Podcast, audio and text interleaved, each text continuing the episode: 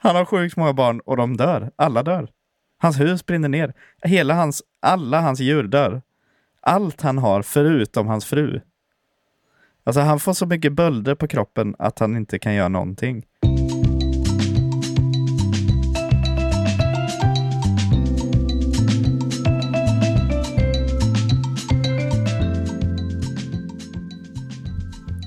Det blir ju riktigt.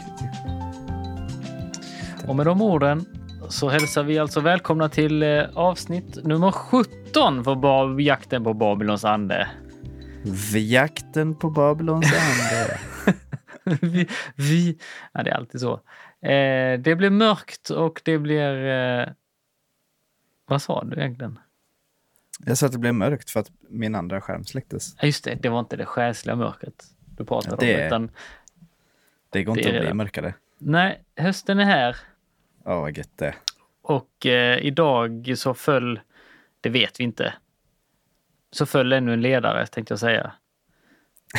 eh, men Så dramatisk. Eh, det, idag när vi spelar in så släpptes nyheten om eh, Daniel Alm. Att hans avgång Ja. från... Eh, och jag kände ändå att nej, det här var sorgligt. Och tråkigt men ändå inte oväntat. För det verkar ju inte som att ledare kan hålla sig i skinnet. Nej, vad, men vad, precis. Sorgligt är väl ändå rubriken, tänker jag. Mm, Vi är ju inte en del av pingströrelsen längre, ingen Nej. av oss. Och eh, på det sättet så tänker jag att det man kan göra är att titta på det mer som en, eh, strukt, ett strukturellt problem, liksom. mm. Inte, bara, inte bara inom pingströrelsen. Nej, men precis. Eh, jag såg en vän som hade kommenterat att han, eh, han skrev något så här. Någonting gör vi väl fel i frikyrkan för att vi ser så mycket av sånt här, typ. Mm. Och jag tänker att det ligger något i det. Att så här, det finns någonting som är ett problem på en djupare nivå. Fast Ja. jag, tr- jag tror inte det bara handlar om frikyrkan. Jag tycker det handlar om makt över framförallt. Oh ja. Och, och framförallt verkar det handla om män och makt. ja. Ehm, I politiska situationer. Och, ja, men Anders Borg kommer ju fram på näthinnan tyvärr. hans, lilla, hans lilla maktfadäs. Inget skratt åt ju.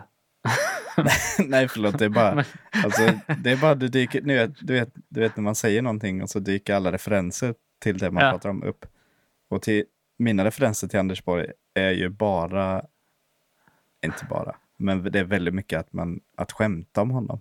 Ja, Och hela han var ändå en grej. stabil finansminister tänkte jag på den tiden. Nej, jag vet inte. Jag, var jag född Nej, när han var ja, finansminister? Ja, precis. Jag, jag hade ändå någon slags förtroende för honom. Jag vet inte egentligen Ja. vad det grundades på. Men, ja, men makt och eh, du- människor verkar inte hantera det.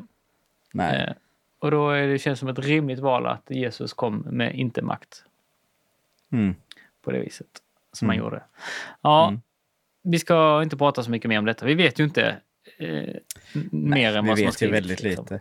Jag kan, jag, det var en annan jag såg som hade kommenterat det hela skrev att eh, det är väldigt föredömligt att eh, vara väldigt transparent med det här, som jag ändå Mm. tycker också de har varit. Mm. Att så här, det framkom den här typen av kritik. Eh, och så skrev ju han, skrev ju att, minns jag inte ordagrant, typ så här, det har, det har gått för långt med en, med en kvinna förut, typ. Eller något. Ja, just det. Eh, och som jag uppfattar det så är det inte sexuellt, det som har hänt. Utan maktmissbruk. Ja, men maktmissbruk med eventuella sexuella inslag, Ah, okej. Visst det. stod det. Aha. Aha. Ja, Eh, ja. Okej, men i vilket Men, fall ja. så ändå så här att det finns en, det finns en viss transparens här nu. Att man, så här, men det här har hänt och det är det som leder till att han avgår nu liksom. just det. Och att det, istället för att bara så här. Åh, Daniel ska gå vidare och upplever att han ska på nya uppdrag. Typ. Eller att man liksom så här Mm. förklär det i någon så här. Nu har han gjort det här Ja. i sju år och då är det ett heligt nummer och då ska man gå vidare. Typ. Mm. Ja, precis. Nej, men det är väl fint att Ja. han kliver åt sidan om det nu är sånt här.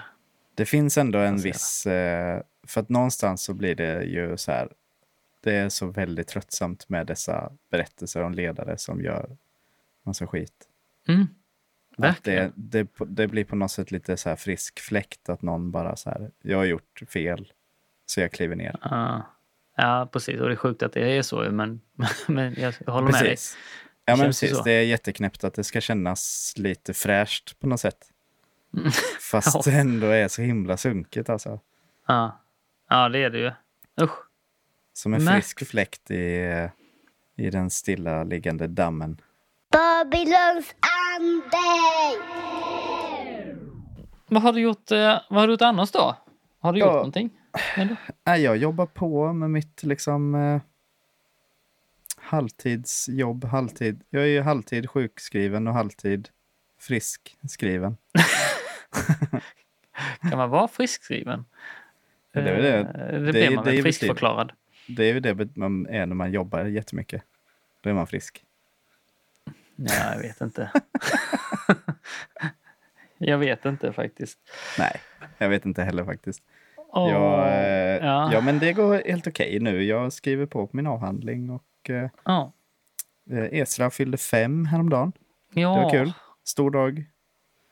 Eh, ett halvt decennium Ja. som jag varit förälder. Så det var väldigt stort för mig. Grattis till dig. Och sen så fick ju han också något. Ett knäckebröd, typ. Oh, wow. Nej, det var faktiskt en jättefin dag. Han var också väldigt rolig. Det var roligt för att han var så väldigt tacksam, Esra. Det var väldigt Ja, fint. Ja, vad Han fint. liksom, det sista han sa innan han somnade var Tack pappa för att jag fick alla presenter. Jag är så glad för det. Ja, Jag var väldigt, blev lite det var rörd väldigt faktiskt. fint ju. Ja. Känner du att tiden har gått för fort? Nej. Okej. Jag tror du svarade fel på den frågan. Ja, jag menar, åh, ja, jag bara Ja. saknar. Fast det var, väl, det var väldigt fint. Jag satt och tittade mycket nu, senaste dagarna så har jag tittat mycket på gamla bilder på Esra och Mm. eh, mycket har ju, alltså alla hans småbarn, alltså nu är han ju ett smått barn, men mindre bebis och liksom det här Mm. är ju från Örebro och tiden i Örebro. Just och, det. Eh, det blir ju lite extra, eller ganska mycket extra så här nostalgiskt eller eh, Ja. sentimentalt heter det. Just det. Det blir väldigt sentimentalt att eh, hela den liksom... Han, eh, ja. Det var en tid. Det var en liv. väldigt fin tid i våra liv. Mm. Ehm, som jag nu kan tänka att jag saknar Mm. mycket. Men det är ju på grund av hur vi har det här liksom och hur vi mår och så här. Ja. ja Men här precis. blir det också, jag ska säga att här blir det också bättre. Jag har Mm. eh, lite vänner som jag träffar. Nämen. Går lite i kyrkan. Ja. Ja, du. Jag var i kyrkan fyra veckor i rad, Emanuel. Det har inte ens jag varit på flera år. Nej, exakt. Så det var kul. Mm. Eh, Det bra. ja. Och det är intressant. Vi går ju till den svenska kyrkan då. Och eh, då så kan ju mycket vara likt. Liksom. Mycket kan vara likt. Mm. Eh, om man vill. Eller så. Men det som jag liksom funderar mycket på är ju när man väl tar nattvard sen då. Just det. Eh, så kan också det vara likt. Liksom. Alltså det kan, man kan eh, fira nattvard så, så som jag är van liksom, i en frikyrka eller så. Eller väckelsetraditionskyrka. Skulle... Ah. Eller så här, det skulle kunna... Det, det är inte otroligt att fira nattvard i en eh, EFK-församling så som man kan göra i en Svenska kyrkan-församling. Nej. Typ. Nej, det är inte helt orimligt. Nej. Inte helt Det, liksom. det finns ju... Ja. Det finns ganska mycket Spännvidd. inslag som kan dyka in där. Men då är ju frågan vem som får ta nattvard. Just det, det här nämnde vi snabbt förra gången vi Ja, pratade. om. gjorde vi det? Jag Ja. funder, och jag funderar ganska mycket på det. Alltså, mest för att det är lite kul att fundera över. Du sa Eh. att eh, dina barn får inte ta. Och då vill inte, Ja, precis. då vill inte du gå och ta. Ungefär. Nej. Det var ungefär så långt vi kom. Sen så hejdade jag det. dig. Ja, just det. Men sen går jag och tar ibland ändå. Ja, va? Nej, jag vet. Ja, men Lite det, så rogue. jag tycker det är bra att du gör det. Så. Att jag tar nattvard. Ja, det Ja, tycker jag är lite bra. För är det, det händer något då eller? Emanuel? Ja, men det behöver, inte, det behöver inte betyda att det är kropp och blod du får i dig. Nej. Men hur är det då? alltså. Snacka om att sätta någon på... Har du, har du lyssnat på senaste avsnittet av, ehm, av Dålig liturgi döda? Eh, inte hela. Nej. Okej. Där pratar de faktiskt lite grann om mässan såklart. Ja. Kristoffer Lignell. Eh, men Pekka Mellergård är med där och de pratar utifrån Ja. den senaste Just det. Node-tidningen då. Mm. Eller vad man ska säga att det är för någonting. Eh, Men då pratar han, Pekka då om när de bodde i den här gemenskapen i Arlöv. Som Ja, då, det har fostrats många bra teologer ur. Eh, Då pratar han om att de hade sån här riktig Jesusmåltid eller vad de kallar det. Alltså där de just det. äter som en vanlig måltid fast de gör det i liksom Mm. eh, nattvardskänsla. Ja. Kanske. Ja, du, förstår, du förstår vad jag menar. Mm. Ja, ja, i alla fall. Mm, Ja. Det är jättebra. Och då uttrycker han också att efter ett tag så kunde man ändå sakna det här sakrala i, i det. Liksom. Mm. Eh, att ja, det var jättefint och det var säkert så här det gick till för Jesus och lärjungarna. Mm. Eh, eller närmare så i alla fall än vad vi gör det i kyrkan i vanliga fall. Men att Ja. de saknade eh, skriften och, eh, ja, men, och, och liturgin kring det. Mm. Själva nattvarden. Och jag kan nog, ja men, och då, ja men det slog mig ändå då lite grann att ja, jag förstår eh, att man kommer från ett slags anabaptistiskt håll. Mm. Där man vill göra upp med det gamla. Mm. Eh, men också att ja, men båda behövs nog. Mm. Ja, men det är ungefär som vi pratade om förra gången också om eh, veckomässan i vår kyrka. Att det är skönt att ha lite eh, ramar runt det. Precis. Och jag, jag är ju verkligen inte främmande för liturgi och det sakrala på det sättet. Så det är, men det är intressant det där hur... Ja, jag pratade med en, en av mina vänner då som är uppvuxen i Svenskyrkan. Mm. Och lite, för att jag kunde uttrycka lite så här, men jag saknar en, lite mer så här, den här närm, nära gemenskapen. Typ som en hemgrupp som firar Ja. nattvard tillsammans.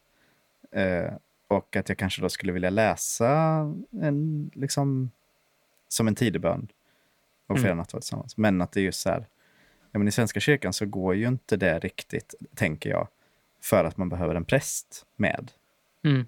typ. Eh, sen så finns Just det säkert sätt, liksom. Mm.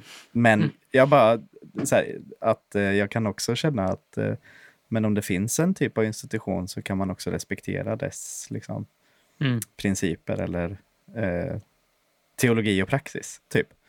Ja. Men eh, jag vet inte, så jag går och funderar mycket på det och det är, ganska, det är lite roligt att göra också. Fundera på. Eh, sen så är det mycket som är likt. Eh, så här, ehm, det är mycket, de har också mycket käbbel mellan olika råd och grupper som ska ha sina grejer hit och dit. Du vet. Ja. Så det är lite så här, ja, just det. Det är lite som säger, kanske inte just frikyrkan utan människor överlag. Ja, ja, precis. Eh, ja. Ja, alltså jag tror att eh, bara vi börjar prata om Svenska kyrkan, eller i alla fall om jag skulle börja prata lite mer om Svenska kyrkan så hade jag ju verkligen kommit ut som en riktig Svenska kyrkan-analfabet. Ja, Att jag- absolut. Ja, Jag, jag tror att jag har noll koll på egentligen på vad som händer och kulturen inom Svenska kyrkan. Ja. Eh, så att det- ja, jag, jag avhåller mig för att säga för mycket för att inte verka för ignorant kring vad som händer. Och jag Men- tror att det är det du stor egentligen skillnad. säger är ju, är, du, du är ju ignorant ju. Ja, ja. Jag får väl stå för det den här gången. Det är jag också. Jag går, utgår ju liksom bara på mina erfarenheter och vad jag ser och är med om under Mm. den här korta tiden. Liksom. Ja. Så jag tänker att det finns mycket, jag tycker det är ganska trevligt ändå. Men du gör det i alla fall med öppet hjärta, öppet sinne, så det är bra. Ja. Öppet sinne i alla fall. Mitt hjärta Mm. är Ja, sten. Nej, jag skojar bara. Förlåt. förhärdat. Nu bra. slutar jag med mina sådana. Ja. Det är väldigt trevligt och eh, det är en fin gemenskap också, tycker jag. ja, bra. Ja, Det är bra. Ja, vad har du gjort då? Ja, men oj, vad kul att du frågar vad jag har gjort. Eh, Jag har eh, jobbat mycket på sistone. Det har varit en sån eh, månad med massa extrajobb. Förutom Ah. mitt vanliga skoljobb så har jag också jobbat ganska mycket med, med ljud och så, sådana saker. Just det. Mm. Du är en Så sån det har jag ljudkille. gjort. Jag är sån ljudkille. Ja. Eh, Så att det har varit ganska tufft. I, I förra lördagen då så var jag hemma alltså halv två på natten. Oj, oj, oj, oj, oj. Ja, det, var, det var länge sedan jag var uppe så Det sent. är alldeles Det för sent för en gubbe som du. Ja, det var det. Men jag var i kyrkan nästa dag. Oj, oj, oj. Oj, oj, oj. Hör på den va? Och då ska jag också Riktig- säga att vår eh, gudstjänst börjar klockan tio. Riktig gubbfason ändå. Ah, Ja, eh, jag var inte där riktigt tio, då var jag inte. Jag kom lite sent. då. Men eh, jag gick dit och jag fick gå ganska tidigt också för min dotter skulle iväg på någon grej. Jaha. Ja, men, det, men annars, eh, igår då, när det var onsdag, eh, så var jag på konsert i Köpenhamn. Oj, Mitt i utomlands. veckan. Ja, ja utlandet. Ja. Det var eh, roligt. Det var alltså eh, Theo Katzman. Oh. Katzman. Theo Katzman. Från eh, Fint. bandet Wolfpack känner man igen honom. Ja. ja, bra. Eh, det bra var det? väldigt bra. Ja, det var väldigt bra. Ja. Eh, vi var såklart inte på hela konserten för att vi behöver komma hem också. Just det. Alltså. Så kan... Ja, men man ska ju jobba dagen efter och vi hade barnvakt och sånt. Du vet. Man ska... Äh. Eller jag menar, det var ju bra ju. Ja, precis. Någon slags. Men eh, oerhört bra. Det var också såklart basisten Joe Dart. Ja, det var och Joe. Dart, ja. ja. Det var Joe Dart. Jag vågar inte chansa. Du la ut en bild Nej. på dina sociala medier och skrev den som känner igen basisten är min vän. ja.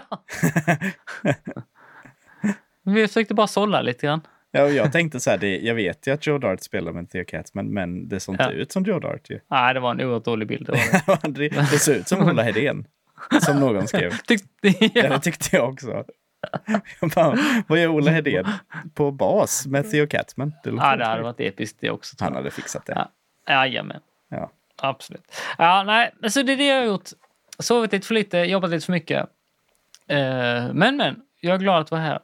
Kul. Nu blir det reels. Ska vi prata om en reel? Ja, En rulle? roll it. Det var bra. Åh, nu har jag glömt göra research igen. Skit också. Det Det var kul. dåligt. Ja, det blir kul. Men Jag skickade kan- den här till dig i morse. Gjorde du det? Ja. Jag kollade på den och tänkte, oj, hjälp mig Gud. Kände jag.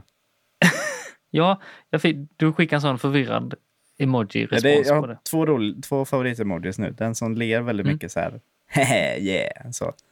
Och den som är så här snurrögon, så här, boink. Ja, det är mina två modes. Boink! Ja, det är ju så, boink. Ja, ja det är här, sant så faktiskt. Fjäderljud. Alltså nu kände jag att jag var tvungen, att jag måste bara berätta om att jag låg, när jag kom hem från jobbet idag så låg jag och scrollade reels. Ja. Och då dök det upp en reel som jag, alltså jag har skrattat hela kvällen åt den. Vad var det för real? Det var den som jag skickade i vår grupp med geten bilen och mannen.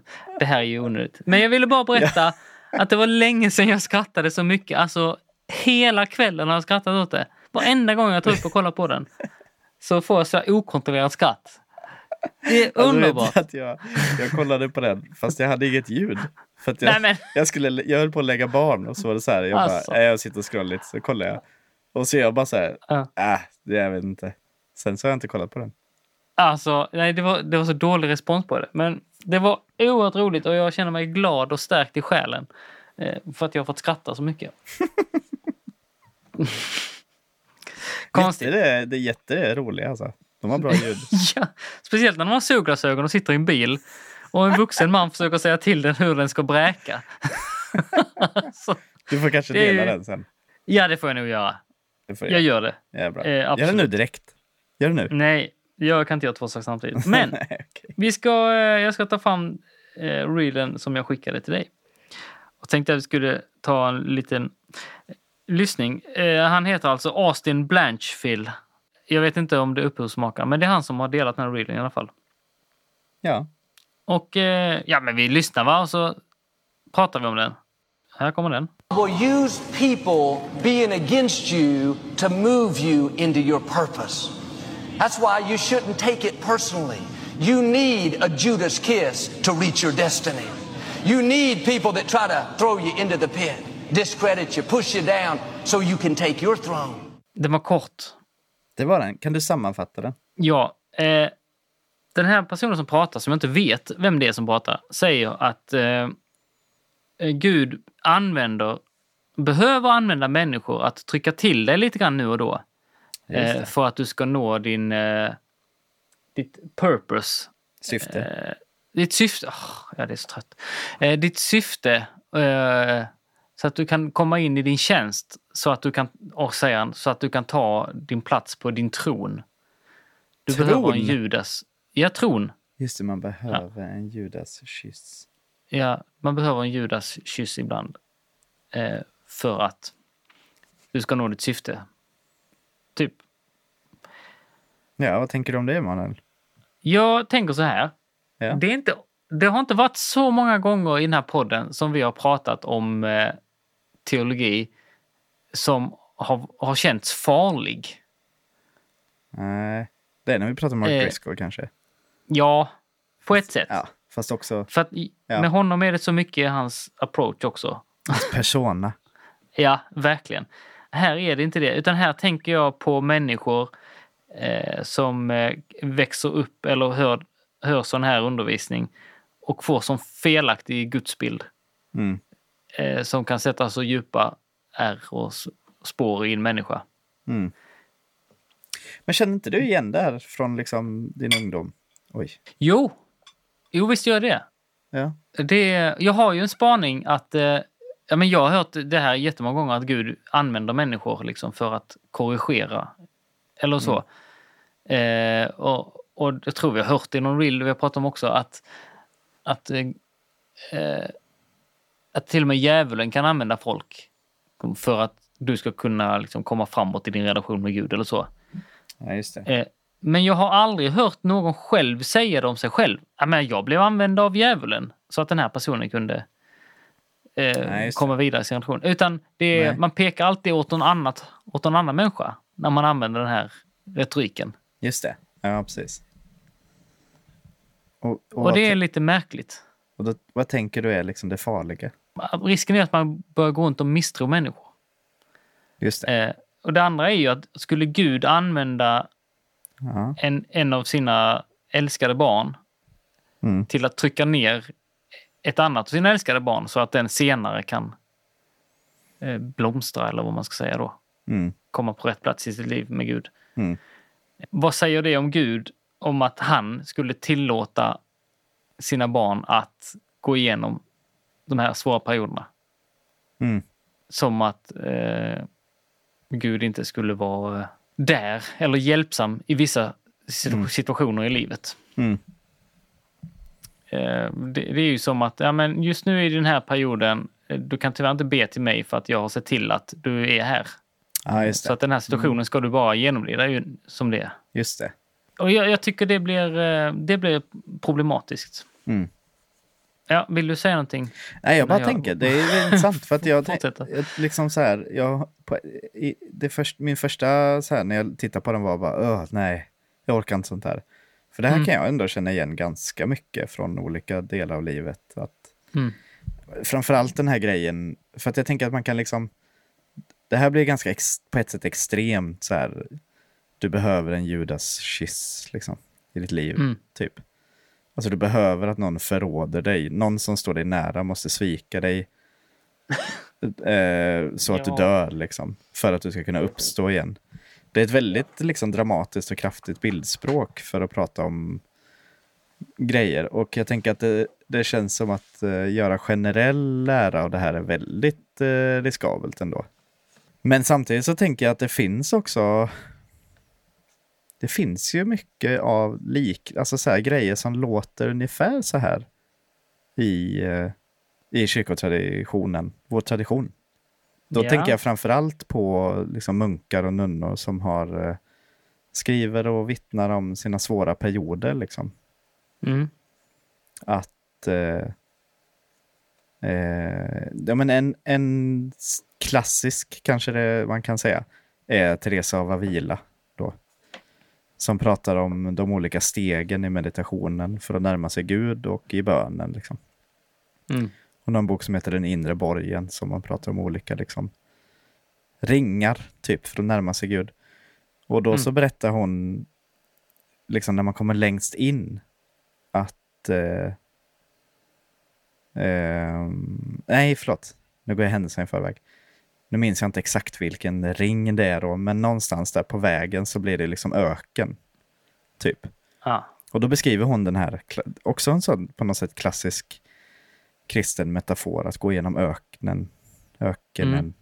Där Gud känns liksom in, känns inte längre. Allt är liksom smaklöst, torrt. Mm. Livet är piss liksom. Men så måste man ändå fortsätta gå igenom det och till slut kommer man till, eller och ibland hit får man en oas liksom. Mm. Och sen till slut kommer man fram då vid målet. Och hon beskriver också slut, slutet liksom på den här resan, eller eh, inte slutet, men liksom att nå in i, i det djupaste liksom. Eh, hur det är så otroligt smärtsamt. Alltså att hon, hon beskriver det som liksom fysisk smärta att möta Gud i liksom det här djupaste. Mm. Just det. Eh, och att det var liksom, eller jag blev nästan lite så här, jag minns att när jag läste det att jag kände att eh, det här vet jag inte om jag är så sugen på. Liksom. Eller det Ja. var lite sådär, men det är ju samtidigt någonting också väldigt fantastiskt som hon beskriver då. Det här mötet med Gud. Liksom. Mm. Så jag tänker att det, det finns, det här är inte samma grejer, för att det som den här reelen snackar om är ju att men, Gud använder människor för att trycka till dig så att du ska växa. Liksom. Typ. Exakt. Men jag tänker att det finns en, liksom, en överlappning till det här med ökensnacket. Mm. Som gör att man skulle nog kunna ha, ha ganska nära till det här i vissa sammanhang. Om man Mm. pratar också om liksom, tuffa perioder och men inte är liksom vaksam då. Ja, precis. Att eh, liksom från det här att uppleva att Gud är långt borta till att bli sviken av någon. Ja. Jag tänker att de kanske sk- de ligger nog ganska nära ändå om man, är, om man inte är försiktig. Ja. Liksom. Ja, men precis. Jo, men absolut att de angränsar, det tycker jag också. Och det, jag, jag kan också tycka att det, är, att det är något helt naturligt i livet att man pratar säsonger, höll jag på att säga nu. Mm. men, men, att, eh, men att man upplever olika situationer i livet. Ja, Som en, jag tycker bilden av en ökenvandring är, den är ju högst närvarande i Gamla Testamentet. och, och de, det är inte så mycket bilder, det är ju också en... Nej, precis. Nej, men den är ju, ger ju struktur åt hela Israels folk. Liksom. Ja, precis. Eh, Och även Jesus. Eh, Ja. Hans prövningar. Liksom. ja, precis. Och även Och att, Johannes och att man talar om det, det också. Ja, men öknen är ju eh, närvarande ju. Ja, öken är ju en jätteviktig del av eh, bildspråk och eh, så i Bibeln. Precis. Och blir och jag tycker inte senare. det, Vad ja. Och jag tycker inte det är svårt eller dumt att prata om det. Nej. Men, men, att, men ofta när man pratar om öknen så pratar man ju nu om att, som du sa, det känns inte. Mm. Allt är smaklöst och det är torrt och det är torftigt. Mm. Eh, Och det är ju en känsla som man kan ha Mm. och som man säkert är nyttigt att leva i lite nu och då. Mm. Mm. Men det är ju jobbigt om man nu ska tänka att någon annan har orsakat den. Precis. Alltså blivit använd av Gud så att man ska uppleva det. Mm. Det, det, är väl, det är väl kanske det som jag... För här är också, jag tänker att det också blir en ganska intressant fråga om gudsbild här. Det var Ja. det du var inne på i början. Ja, För att man skulle ju kunna liksom påstå det här på lite olika sätt. Där eh, det ena är ju då eh, att eh, Gud aktivt för människor liksom Mm. till mitt liv för att förstöra för mig. mm, Eller om Gud kan låta människor bete sig illa och sen Mm. då potentiellt vända det här till någonting bra. Liksom. Typ. mm, Jag kan och jag vet, på ett sätt för någon som har varit med om något jättehemskt så vet jag inte om det är så stor skillnad egentligen. nej, På ett sätt. sant. Eh, men samtidigt så tycker jag att det är en skillnad ändå. Mm. Men det är lätt att prata Ja. om när man inte kanske är mitt i något jättehemskt. Så. Ja, precis. Det är en, eh, det är en privilegierad position att kunna prata om Guds ansvar i världens missöden. Mm. ja, precis. Ja, verkligen. Ja, man skulle ha förberett ett bra studie om eh, Jobs bok nu som man skulle kunna dra av lite snabbt. Det låter jobbigt. Alltså, du sa inte det.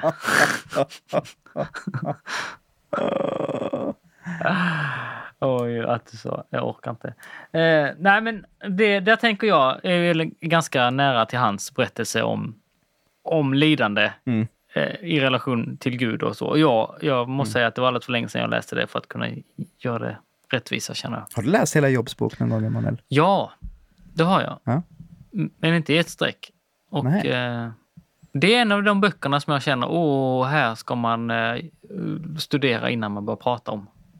Just det. Känner jag.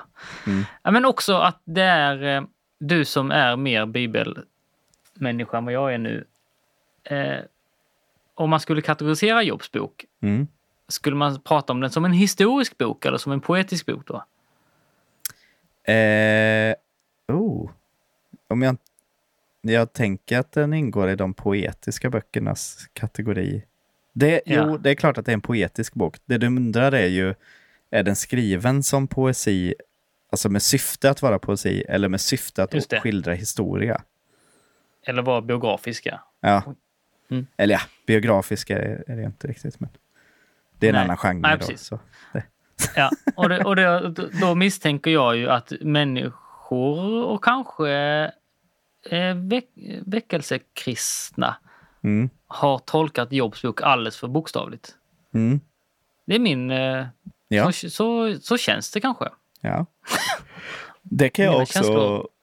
Absolut. Alltså det är en otroligt konstig bok eh, om du ska titta på den historiskt.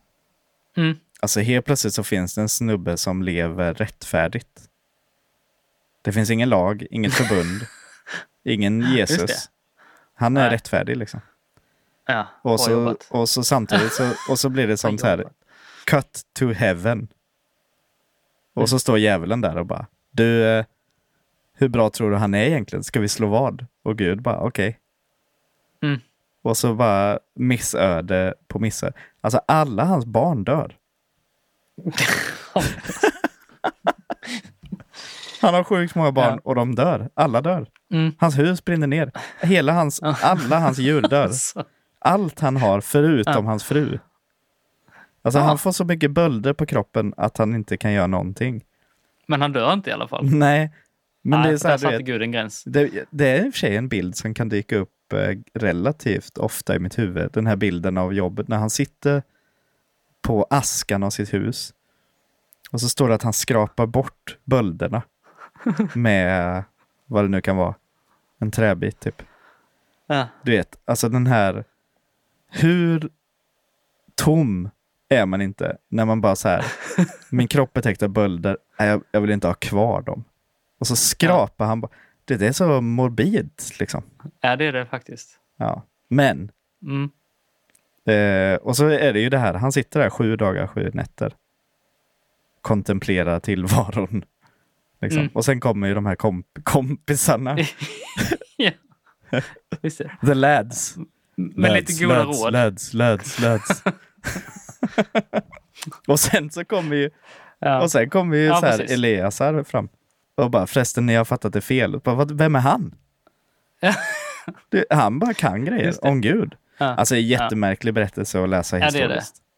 Och med det sagt, eh, Gud är ju ännu konstigare. Så att det är väl klart att det kan ha hänt. Men den, jag skulle säga att den är absolut inte skriven för att skildra historia. Den är ju skriven för att skildra teologi.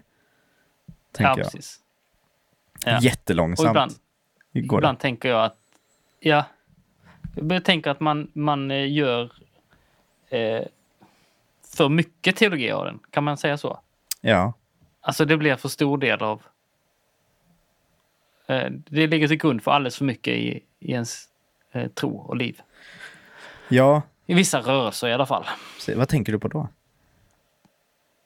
Det känns som att du Eh. försöker säga något som jag inte fattar riktigt. Nej, men jag, jag tänker att... Eh, eh, nej, det gör jag nog inte egentligen. Men, men jag tänker att till exempel framgångsteologi Mm. eh, och de här, där, där när, du, när det inte går bra för dig så är det en, ett straff från Gud. Liksom. Just det. Ja. Alltså, Men det, jag tänker att hela Jobs bok syftar till att dementera den teologin. Alltså Mm, som också kallas okej. då för eh, eh, deuteronomistisk teologi. Alltså följ buden så går det väl för dig. Bry, bryt buden så går det dåligt för dig. Den Mm, grejen. okej. Eh, och att Jobs bok är lite mer så här. Det funkar inte. Ser ni inte här? Allt Ja, är, liksom, alltså tillvaron är kaosartad ändå. Så att Mm, varför, eh, varför döma på det sättet liksom? mm. Eh, jag tänkte att jag skulle läsa eh, från Jobs bok här en, en vers eller ett par verser som jag tycker är ganska... De ändå... Nu gick du in i sån predikomode här. Ja, ja. Jag tänkte jag skulle läsa. ja. Jag har inte predikat på flera veck- eh, månader. Så här säger Jobb. Gud har snackat liksom och satt Jobb på plats. Och då säger Mm. han så här. Förr hade jag bara hört om dig. Nu har jag sett dig med egna ögon. Jag är tillintetgjord och ångrar mig i stoft och aska. Det var väl den versen jag tänkte på ens. Vänta nu, vem sa detta? Det är Jobb som Jobb. säger. Jobb jag säger tänkte det. väl. Ja. Ja. Alltså Gud har snackat länge här om grejer. Ja. Så ultimate flex eh, från Gud. Eh, Han är ändå, Gud är ändå ganska kaxig här. Du som tvistar med den väldige, rätta mig nu. Det här är Gud då som säger. Och svara på detta, du som klandrar Gud. Och Jobb svarar, jag är så liten, vad kan jag svara dig? jag sätter handen för munnen, gång på gång har jag talat, nu säger jag inte mer. Och då säger Herren svarade Jobb ur stormen. Kan du tänka den scenariot? Gör dig redo, var en man, ge mig besked när jag frågar. Och sen rantar Gud länge om allt han har gjort. Och sen svarar Jobb så här. Och eh, min poäng är att eh, det, här, det här är ju poesi. Det är jättefint. Just det. Det är en jätterolig bok ju. Ja, det är det läsa. faktiskt. Det är ju kul där. Alltså, det här är ju kapitel ja. 42. Ja, det är en lång bok också. Och det är så mycket Men, med de här ja. kompisarna. De bara, men du måste ju ha gjort någonting fel. Det måste du ju. Och han bara, nej jag Ja, har precis. inte det. Jag har inte det. Jag har Ja. inte gjort något fel. Jag har gjort allt rätt. Och de bara, fast det, du ser ju vad som har hänt. Du har ju gjort någonting fel. Mm. Och sen kommer ju Gud. Och då kommer han Elias här och bara, nej, nej, nej, så här funkar det inte. Det funkar inte på det sättet. Och till slut kommer ju Gud och säger då så här, det spelar ingen roll vad du tycker. Jag är Gud. Det är jag som Mm. bestämmer. Skiter väl i Ja. dig, säger han. Sen gör han inte det. Gud. Han ger ju honom han massa inte. nya barn och sånt. Alltså den har sån otroligt spännande plats i hela den här historien. Ja, det tycker jag också. Jag tycker Jobb är en av de Eh. bästa böckerna för att den, den just sådär ifrågasätter hela det här. Om jag bara gör rätt så kommer det gå bra för mig. Ja, Den idén liksom. ja. Och eh, Någon borde ha ett bra seminarium någon, seminarium någon gång om jobb. jag kan ha det på nyårsläget. Ska du det? Det kan jag ha. Det hade varit underbart. Det kan vi ha. Jag Ja. kan sitta så här mörkt som jag sitter nu. Det är jättebra.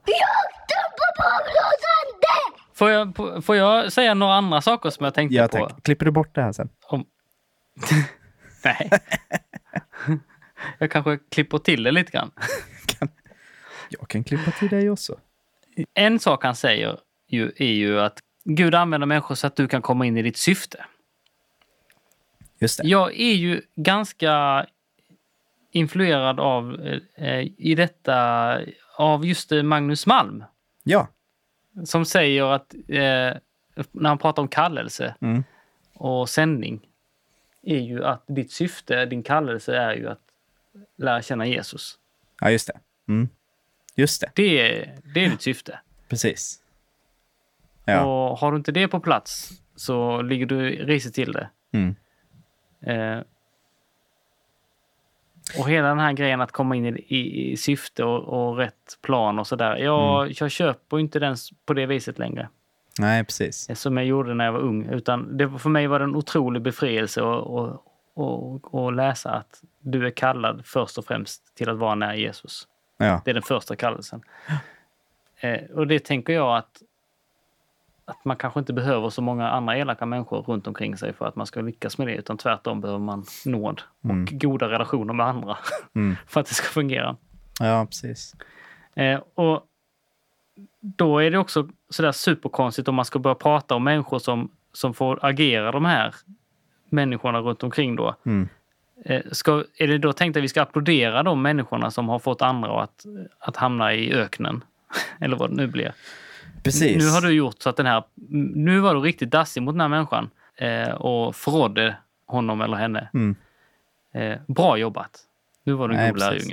Ja, alltså, ja, men någonstans får man ju ställa frågan då, kommer, är det så att eh, vi ska sätta Judas på en pedestal då? Och säga Ja. vilken tur att du var med. Annars hade vi aldrig haft eh, en korsfästelse. Nej, precis. Jag, jag tänker att här är, det här är... Eh, här blir det så mycket det här att man ska ha svar på allting. Det ska Mm. finnas liksom en, en sorts djupare insikt om allt som är eh, fakta. Liksom. Jag tänker på när, ehm, när jag började läsa teologi så läste jag en bok av ehm, eh, Sören Kierkegaard. Kierkegaard. Ja. Mm. Som heter Fear and Trembling på engelska. Översatt till engelska. Mm. Som handlar om ehm, som, jag, som handlar om att läsa Bibeln på ett visst sätt, typ. Skulle man kunna säga. Kanske, nu är det länge sedan jag läste den, så jag, inte, jag minns Mm. inte exakt. Men jag minns väldigt tydligt hur han, han tycker att det är ett problem när vi försöker lösa bibeltexterna. Alltså Mm. så här, det, att vi betraktar sådana här texter som knutar. Liksom. Som då till exempel Judas eh, plats i berättelsen. Eh, men det är ju ett problem liksom, för att han, han, åst, han är ju också liksom någon sorts eh, eh, kraft som för berättelsen till det vi vill. Liksom. Mm. Och då att omvandla det till teologi då som skulle vara att så här, men det, därför ska vi också ta, vara tacksamma för dessa liksom, och hylla dem nästan. Typ. Och se att det är Gud som verkar. Eh, då tänker jag utifrån det som den boken Fear and Trembling pratar om att problemet är att du inte stannar upp vid själva händelsen i berättelsen. När Judas i ett semane kysser Jesus, eh, vad händer då? Där, Mm. liksom. Jag, för det första så fattar ju inte Judas själv vad han gör, utan inser ju det sen då. Eh, Ja. och inser Precis. ju att det var så grovt att han till och med tar livet av sig. Mm. Så mycket, så hemskt var det för honom det han hade gjort. Liksom. Men det fattar han ju Mm. inte då. Nej. Och sen då, att, men att Jesus vet, vet precis vad som händer. Och liksom så här, Mm. nu händer det. Nu går vi in i den här akten i berättelsen. Mm. Eh, men ingen annan av dem som fattar, de bara ser Judas med liksom romerska soldater typ, eller vad är det som händer? Ja, du vet så här, Mm. att man inte klarar av att stanna upp vid den stora sorgen och tragedin som är där. Mm. Och inte kan se att det här är liksom, i första hand är det sorg, i första hand är det tragedi, i första hand Just är det. allt det här. Och sen skulle du kunna förklara det med att så här, fast det var det är något som behövde hända. Liksom. Eh, eller Mm. att Jesus dör då, eller det var, det var så här det skulle bli. Liksom. Just det, att man försöker hitta nyckeln Precis, direkt. ja. Ja. Utan våga läsa Intressant. berättelserna utifrån vad de är. Liksom. Eh, berättelser. Lev dig in i de här situationerna som utspelar sig och se vad är det som händer egentligen. Just det. Och jag tänker ju framförallt, man följer Judas liv liksom. Är vi får ju jättefå sporadiska verser liksom som nämner Judas. Men Ja, precis. bara så här hur han går från att vara en av de närmsta till Jesus till att ta livet av sig för att han förrådde Jesus. Mm. Och eh, så otroligt mörkt det är. Ja, det är det ju. Ja, och det är också det att i hela Bibeln så finns det bara ett sånt här tillfälle. Ja. Alltså det är klart, det är många saker som bara finns en av. Men, Mm. eh, och det är såklart också avgörande, men, men det, är, det är bara Jesus som blir förrådd på det här viset. Ja. Som jag kan tänka på. Det finns faktiskt i judisk teologi om Lucifer då, alltså morgonstjärnan.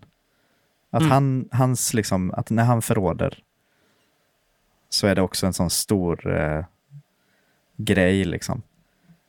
Vilket Mm. sen gör då att när Dante skriver hans eh, Inferno Mm. så är ju i den djupaste i cirkel nummer nio av helvetet som är kall, frusen dessutom, och Ja. inte brinner. Där är ju Judas och Lucifer, sitter nere djupast. Liksom. Ah, Okej. Mm. Intressant Ja. hur man betraktar Ja, de ja, här det det. händelserna. Men absolut, förutom, det står ju inte i, i liksom våran bibel så, Nej, om det, om precis. Lucifer. Så nej, visst. Det är väldigt intressant också. Hur, eh, Och då är det också det är en liten textmassa att skapa så här stora ordalag kring. Ja. Och, och jag tänker att det är ännu värre, kanske ännu värre, blir att du då kan rättfärdiga ditt dåliga beteende. Mm. Ja, precis. Alltså när jag, när jag sa till dig på det här sättet som sårade dig, ja men det är för att du behövde, det var min, Mm. min det var jag som Judas kysste dig. På tal om maktspel Ja, precis. så, så är det ju verkligen så. Ja. Ganska Nej, mycket, ganska mycket så här Mark Driscoll-vibes faktiskt. Ja, ja, Och faktiskt. hela den Rise and Och- Fall. Ja, precis. Och med det sagt så har, eh, så har jag säkert sagt massa saker som har fått människor att må på olika sätt. Ja. Men jag, jag har... Det har nog varit min eget, mitt eget fel och okunskap och Mm. allt det där. Jag vill ju inte tro att det är Gud som har gjort det där. Jag har också svårt att se Ja. att liksom hur... eh, Svårt att se att det blir liksom någon sorts, eh, att det kommer från Gud. Liksom. De gånger Mm. jag har gjort så, sårat människor och sagt grejer Ja, liksom, fel Ja. sätt eller dåliga sätt eller upp, riktigt illa. Liksom. Ja, äh, intressant Ja, eh, liten textsnutt vi fick höra här i denna rullen. det blir inte så kul. Så. Berätta något kul nu, Manuel. Nej, vi måste inte gå direkt dit. Nej, vi ska, men jag vet inte om vi kan sammanfatta det på något vis. Eh, Man kan säga att man ska akta sig väldigt mycket från att tänka att det är Gud som aktivt arbetar i din olycka. Ja, Som att det i så fall också liksom, att det finns ett, det eh, eh, ett långsiktigt syfte med din olycka som Gud liksom, där han bearbetar dig för att du ska bli redo för någonting. Men att det finns Mm. olika perioder i livet är fullkomligt naturligt och, Ja, precis. och bra. Ja, Men jag tror inte att Gud sätter någon i nej, och tycker, tror jag det? Nej, nej, men precis. alltså. Mm, ni fattar vad jag menar säkert. Och gör ni inte det får ni skriva till mig. Nu Ja, till något helt annat. vad händer nu? Alltså jag hade ju faktiskt tänkt, vi, vi fick ett lite eh, syrligt meddelande eh, till vår inbox. DM på Instagram av en viss eh, Jonathan Isgren. Som upplever sig nedskjuten, inte bara en gång, utan två gånger av oss. eh, och därför tänkte jag att vi skulle få lyssna på hans version av denna händelsen eh, som jag nu tänkte börja berätta. Eh, och det är, alltså det kan vara 2010 Ja, detta också. Vi bor i en husvagn. Vi är först på plats. Ja, möjligtvis några andra. På, På campingen. till, sa du? Frizon. Till, sa du frizon? Ja, det tror jag. Jaha. Eller inte. Till frizon. Vi är där eh, ändå ett gäng dagar innan det börjar. Vi kom vi dit eh, festivalen. söndag kväll. Och det började onsdag eftermiddag började. Ja, sant. Nej, söndag eftermiddag kom vi dit för att vi, vi skulle ta emot lastbilen måndag morgon klockan nio. Just det. Just det. Mm. Så var det. Ja. Så vi var där och jag hade en sån jätte, jättehäftig frisbee som bara är en ring. Som man kan kasta hur långt som helst. En aerodynamisk frisbee. Ja, det är väl alla. Ja, men det stod så på. Eh, Aero någonting, Eller ja. så, aerodynamic eller något sånt. Jag tror den heter något sånt, Aero. Ja, arrow. ni vet. Ni som är gamla, ni vet. Eh, och ni andra också kanske. De kan man kasta hur långt som helst. Problemet är ju att de är ju bara en ring. ja, Så de fastnar ju i träd. ja. Om man kastar dem vid träd. eh, och detta gjorde Jonathan Isgren. Trots upprepade tillfällen. Jon, kasta inte så högt. och jag givetvis hamnade den i den högsta av träd. Vilket Ja. resulterar i att vi senare, innan festivalen börjat, kör dit med skyliften som finns. Och åker upp så långt vi kan och försöker hitta den. ja. Vi ser ju den. Jag minns att vi såg det så? Ja, ja. Vi stod ju och kastade grejer från Skylift. Ja, vi kastade, Sten vi kastade och basebollar på den. Ja. Basebollar var det ja. Det var Ja. också rätt farligt. Vi stod med Skylift så här 13 meter rakt upp i luften och kastade basebollar in i träden och sen upp till den ju. Ja. ja, det är jättedåligt ju. Men vi fick inte ner den. Nej, det gjorde vi inte. Nej. Och den försvann. Alltså vi fick inte tillbaka den. Nej. Så jag vet inte var den blev av. Så om någon vet att de har Eh. hittat en sån här cool frisbee frizon. Jag, jag skulle säga att Ja. det här är 2010, Ja, jag skulle också gissa det faktiskt. tror jag. Mm. Det var då vi spelade, Vi spelar Uno. spelade Uno i husvagnen och Jon vann Ja. inte. Han förlorade varje... Vi spelade typ 50 runder och han förlorade varenda en. Varenda gång. Ja. Det var ju roligt. Ja. Eh, bra. Det var, det var roligt. Ja. Synd, att, synd på frisbeen. Men eh, jag har Mm. överlevt. Ja, ja, kul. Vi klipper in Jon här så får han säga sin historia. Det låter bra. Ja. Herren sade till Jonathan. Gå och ställ dig på fältet inför mig. Kasta där din frisbee. Den frisbee som har ett hål i sig. Jonathan gick till fältet och kastade frisbeen. Frisbeen som hade ett hål i sig. Då gick Herren fram där och en stor stark storm som ryckte loss berg och bröt sönder klippor tog tag i frisbeen. Men frisbeen gick inte att hitta i stormen. Efter stormen kom en jordbävning. Men frisbeen var inte i jordbävningen. Efter jordbävningen kom en eld. Men frisbeen var inte i elden. Efter elden hördes ljudet av en svag susning. Som av en frisbee. En frisbee med hål i. Men det hörde inte Jonathan. Eller Emanuel. Eller Lukas. Och eh, med det sagt Ja, så ska vi tacka för detta avsnittet va? det tycker jag. Eller Trevligt. gör man det? Ja, det var ändå kul att samtalet. podda ju. Det är ju det. Jag kände att jag behövde ändå. Men det kanske blir den här intervallen nu ett tag, varannan vecka typ. Ja, jag tror nog det va? Mm. Vi kör på det. Vi kanske får testa det för, att, eh, för min skull. Ja, precis. Jag, eh, ja. Lugn, lugnt och fint. Lugnt, lugnt. Han är lugn så. eh, ja, så får det bli. Och händer något annat så får det bli glada överraskningar. Eller ledsna överraskningar. Ja, Ja. Nu eh, är det godnatt och tack för att ni lyssnade. Skriv till oss om ni undrar någonting. Vi finns på Instagram. det är vi. Det är kul. Ha det Det är gött. kul. Lukas Hagel Jakten, och Emanuel. Babelns ande. Yes. Gött. Hej. Hej.